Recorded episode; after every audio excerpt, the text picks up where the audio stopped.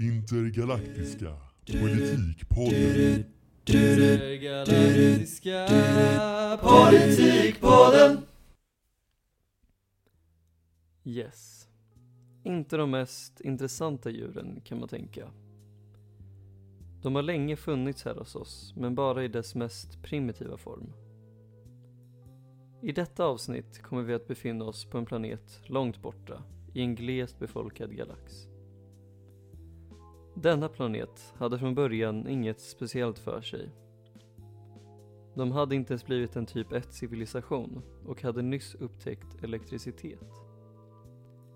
Detta har fortfarande inte förändrats, men de har något som inte många planeter har.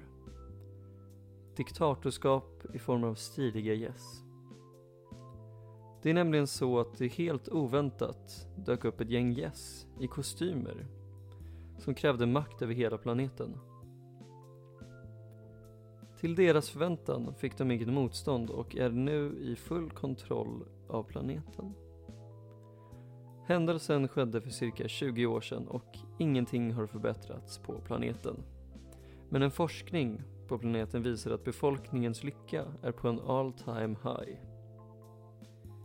Scenariot som är en verklighet på denna planet är mycket underlig och det kan vara väldigt svårt att förstå. Många självständiga studier har gjorts och ingen förstår varför de bara gav upp sin makt till gässen. Min teori är att gässen är stiliga. Det är nog egentligen bara så simpelt. Stiliga gäss är oemotståndliga för alla.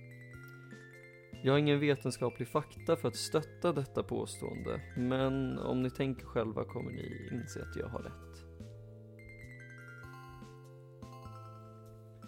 Men det finns nu i vart fall ett diktatorskap på denna planet.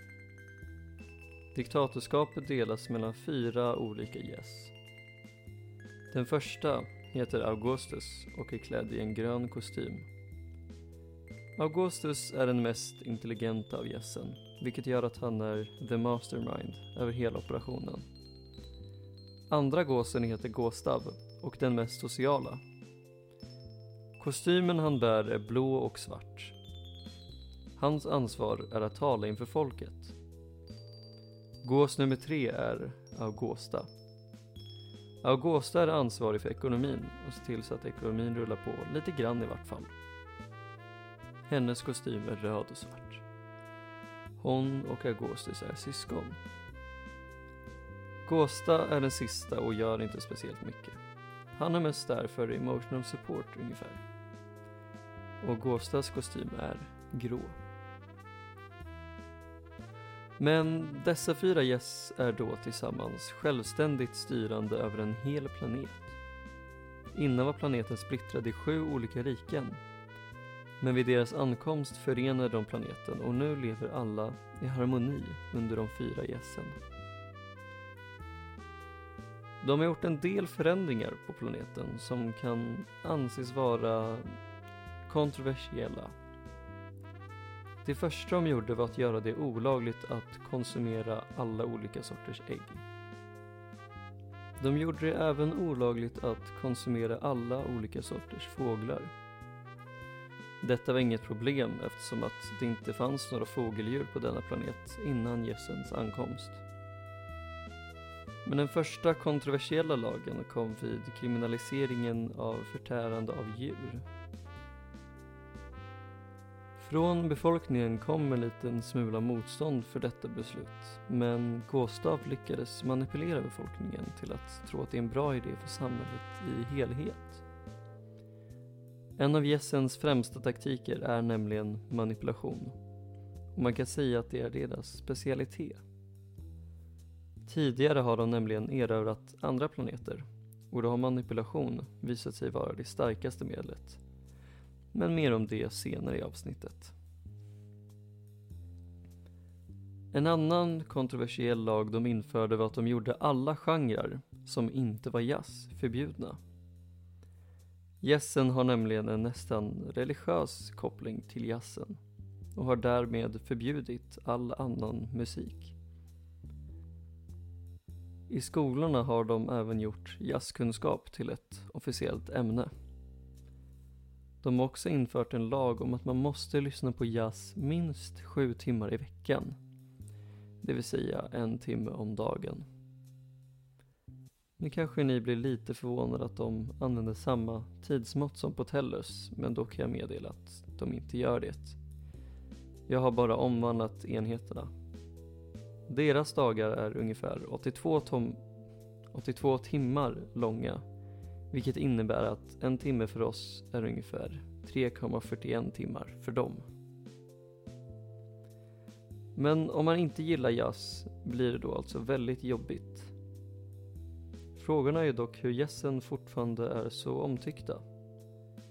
Det är helt orimligt att de bara får styra ett land så här och införa massa absurda lagar. Men jag ställer mig fast vid teorin om att de är stiliga. Det känns logiskt på något plan. Personligen skulle jag vilja vara vän med en stilig gås.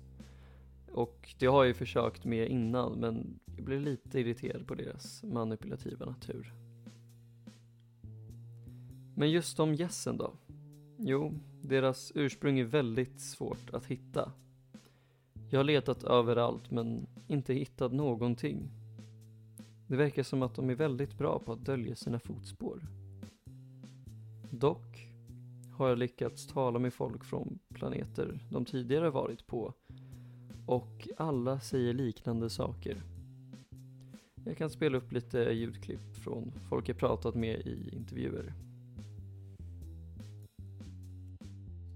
De dök upp från ingenstans. Ingen visste vilka de var eller vart ifrån de kom.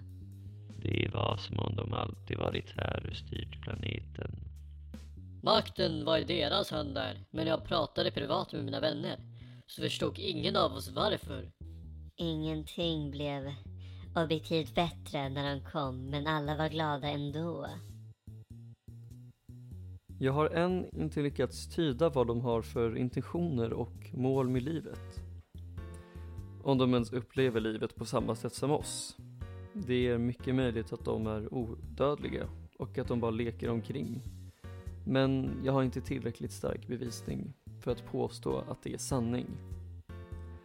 Naturligtvis har jag även försökt prata direkt med dem, men de vägrar ställa upp på en intervju med mig. Jag förstår inte varför de inte vill det. De har dessutom en massa följdfrågor. De undrade vem jag var, vart jag kom ifrån och vilken syfte intervjun skulle fylla. Jag förklarade för dem att jag ville intervjua dem för en podcast på Tellus. De blev väldigt skeptiska och avbröt hela mötet med mig. Än förstår jag inte varför Tellus är så motbjudande för dem, men det kan nog listas ut. Jag får återkomma om det i ett framtida avsnitt. Nej, dessa gäss är väldigt mystiska och det kräver en djupare undersökning för att lista ut dem. Jag har tagit en titt på planetens ekonomi och det verkar inte som att de har fått någon märkvärdig ekonomisk vinst. De representerar heller ingen övre organisation så de försöker inte sprida propaganda. Det kan vara så att de söker någon med tanke på att de åker runt till så många olika planeter. Det kan vara så att de gör någon sorts forskningsarbete. Det vore inte helt omöjligt. Men de verkar inte heller förvånade när jag nämnde att Hellus var i en annan galax. Detta måste betyda att de förstår interuniversalt resande. Hmm. De måste komma från någon väldigt avancerad plats i så fall. Det känns som att det finns mycket som gömmer sig här under ytan som jag vill ta reda på. Men jag funderar mycket på hur de stiliga gässen behandlar folket. Gör de ens någonting fel? Instinktiv är ju diktatorskap fel, men det man får tänka på är att ingen protesterade mot gässen.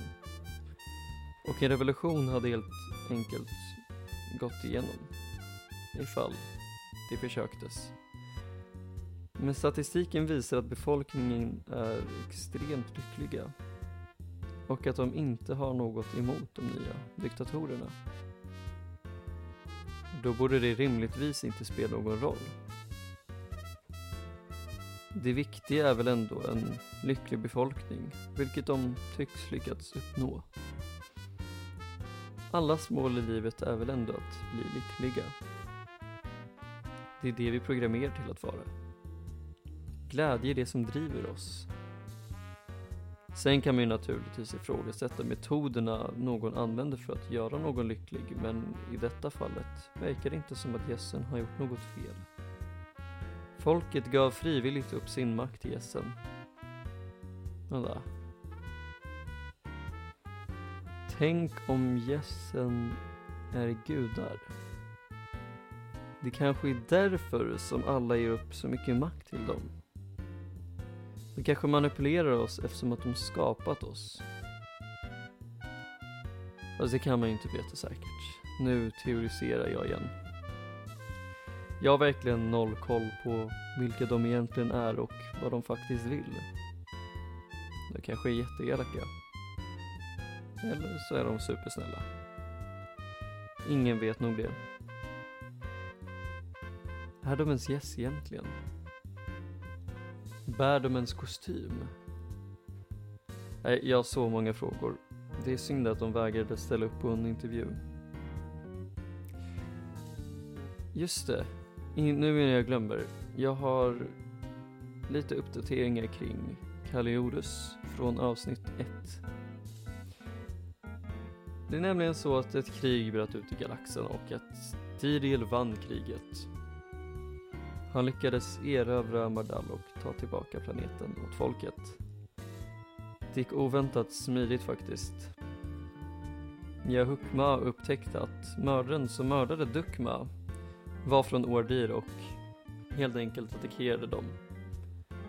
Men det han inte kunde förutse var att Direl samtidigt invaderade Mardal och tog över planeten. Inte så jätteintressant enligt mig. Tydligen hade Diriel planerat allt. Han visste att Yahukma hade dåligt tålamod och aldrig var ämnad till att vara en ledare. Han förstod att han skulle bli invaderad. Det, det är snyggt spelat, jag ska inte ljuga. Dessutom lyckades han övertyga alla om att Dukma visste om att planeten skulle få ett massivt vulkanutbrott och att det fanns aluminium på planeten. Nu går det väldigt bra för Diriel och folket på Ardir och Mardal, som nu heter Nya Ardir, är väldigt rika. De har lyckats bygga upp ekonomin väldigt snyggt och är bland de rikaste rikena i Kaliodus. Men mer än så hade jag egentligen inte att säga om konflikten där. Det gick över alldeles för fort för att bli intressant. Så det var lite synd, men alla konflikter är ju inte så spännande. Det är ju så med intergalaktiskt krig. Men jag hade egentligen inte så mycket mer att säga om den galaxen, men också om gässen fortfarande lite besviken på att jag inte lyckades få en intervju med dem. Men det känns som att jag avslutar lite på en low note här, men fan, de har riktigt stiliga kostymer kan jag säga. Ja, oh, gud. Det var väldigt konstigt att sitta i ett intergalaktiskt fängelse igen. Och jag ber om ursäkt för hur förra avsnittet blev. Men som sagt, väldigt improviserat. Lite svår att sköta podcast från fängelset, men det var det Men mer än så hade jag egentligen inte säga i detta avsnitt. Och jag vill önska dig en fortsatt trevlig vecka så hörs vi i nästa avsnitt. Tack för att du lyssnat.